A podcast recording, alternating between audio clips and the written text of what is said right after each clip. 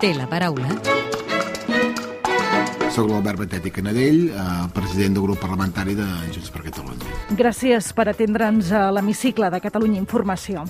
D'aquí un mes aproximadament es dissoldrà el Parlament i es convocaran eleccions per al 14 de febrer. A poc a poc, l'espai de Junts per Catalunya es va reordenant i ja sabem que Laura Borràs i Damià Calvet es disputaran les primàries per ser el candidat a la presidència de la Generalitat. Qui veu amb més opcions de guanyar o per qui es decanta vostè? Tots dos són dos excel·lents eh, perfils eh, que demostren d'una forma molt potent eh, les diferents doncs, eh, sensibilitats que hi ha a Junts per Catalunya.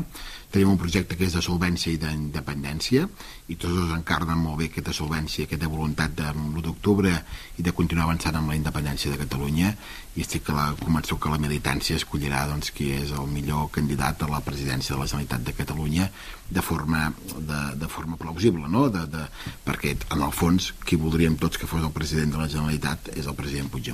Carles Puigdemont ha decidit no ser el candidat, però formarà part de la candidatura i s'implicarà a fons en la campanya. Vostè ens ha dit que li hauria agradat que fos el presidenciable. Veurem eh, Carles Puigdemont de número 2 fent tàndem amb el guanyador de les primàries o a quin lloc eh, s'estudien a la llista? És evident que hi ha una repressió per part de l'Estat i que, per tant, ell no pot anar de presidenciable. Ell és el president legítim, és el president a l'exili, és el president de, de Catalunya i eh, ell eh, va dir que lideraria i que, que ho faria una forma d'equip, no? I ara el que pertoca als militants i als afiliats de Junts per Catalunya és decidir quin és el president efectiu doncs, que, que es pugui doncs, eh, eh, investir eh, en aquests termes.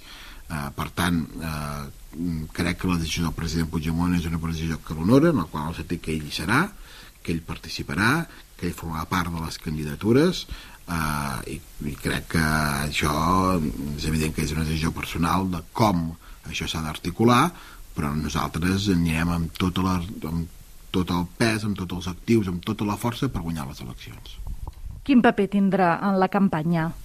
El màxim d'actiu, estic convençut que el president Puigdemont estarà molt actiu en la campanya, estarà molt actiu doncs, en, en tots els àmbits per treure un gran resultat, el, no només Junts per Catalunya, sinó el conjunt de l'independentisme.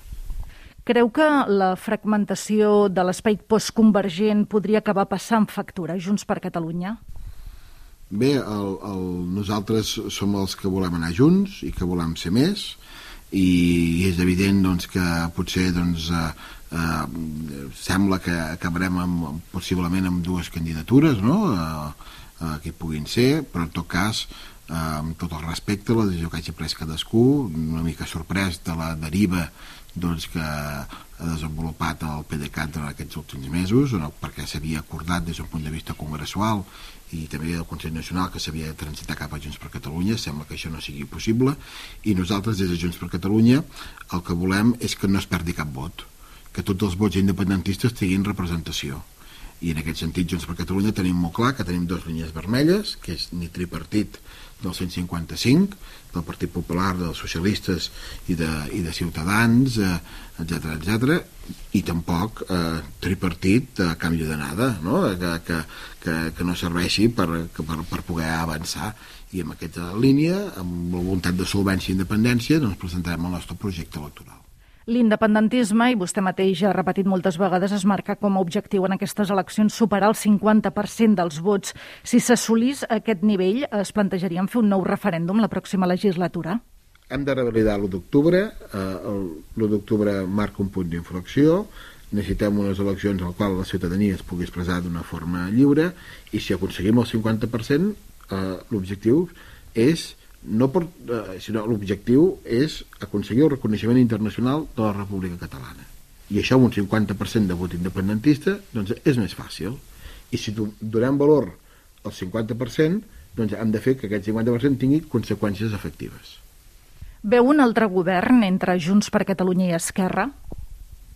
Bé, nosaltres no ho descartem, al contrari, nosaltres volem un govern independentista, volem un govern fort, un govern que doni respostes a la, a, la, a la demanda de la ciutadania. Estem vivint una situació de pandèmia molt greu, amb una crisi econòmica i social molt greu, i és evident doncs, que hi ha un govern fort, i nosaltres volem un govern fort.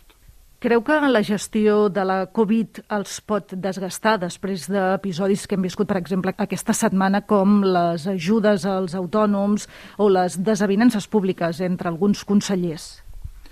És evident que estem en una situació molt complexa, en una situació molt greu des d'un punt de vista sanitari, amb unes conseqüències econòmiques i socials sense precedents, i justament per això calen governs forts i caldria doncs, que un govern amb president i que no segueix inhabilitat el president de la Generalitat el president Torra i que calen molts recursos per fer front a aquestes decisions que hi puguin haver. Com definiria aquesta legislatura? Repressiva. És la legislatura de la repressió. I com li agradaria que fos la pròxima legislatura? La de la llibertat. Si li sembla, entrem en el terreny més personal. Com desconnecta quan acaba un ple del Parlament?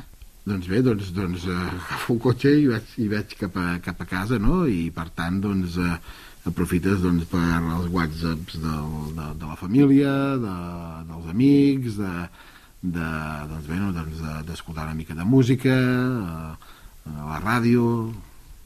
Enyora la seva etapa d'alcalde de Valls? Home, ser alcalde és una experiència vital molt intensa eh? I, i, i sens dubte jo sempre estaré molt orgullós dels meus 11 anys com a alcalde.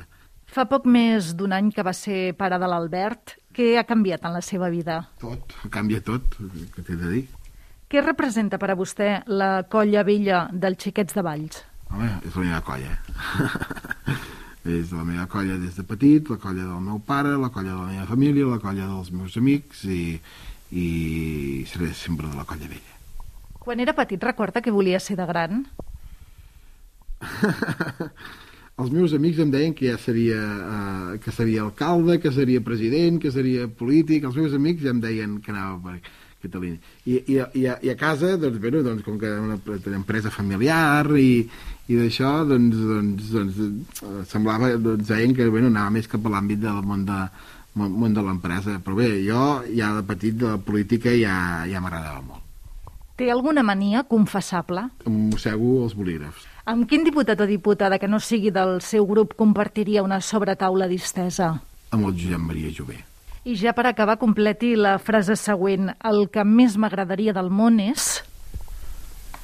Que el president Puigdemont tornés a Catalunya, el retorn del president Puigdemont, que vol dir el retorn de la llibertat a Catalunya. Albert Batet, president del grup parlamentari de Junts per Catalunya, gràcies per atendre'ns a l'hemicicle de Catalunya Informació. A vosaltres. Moltes gràcies.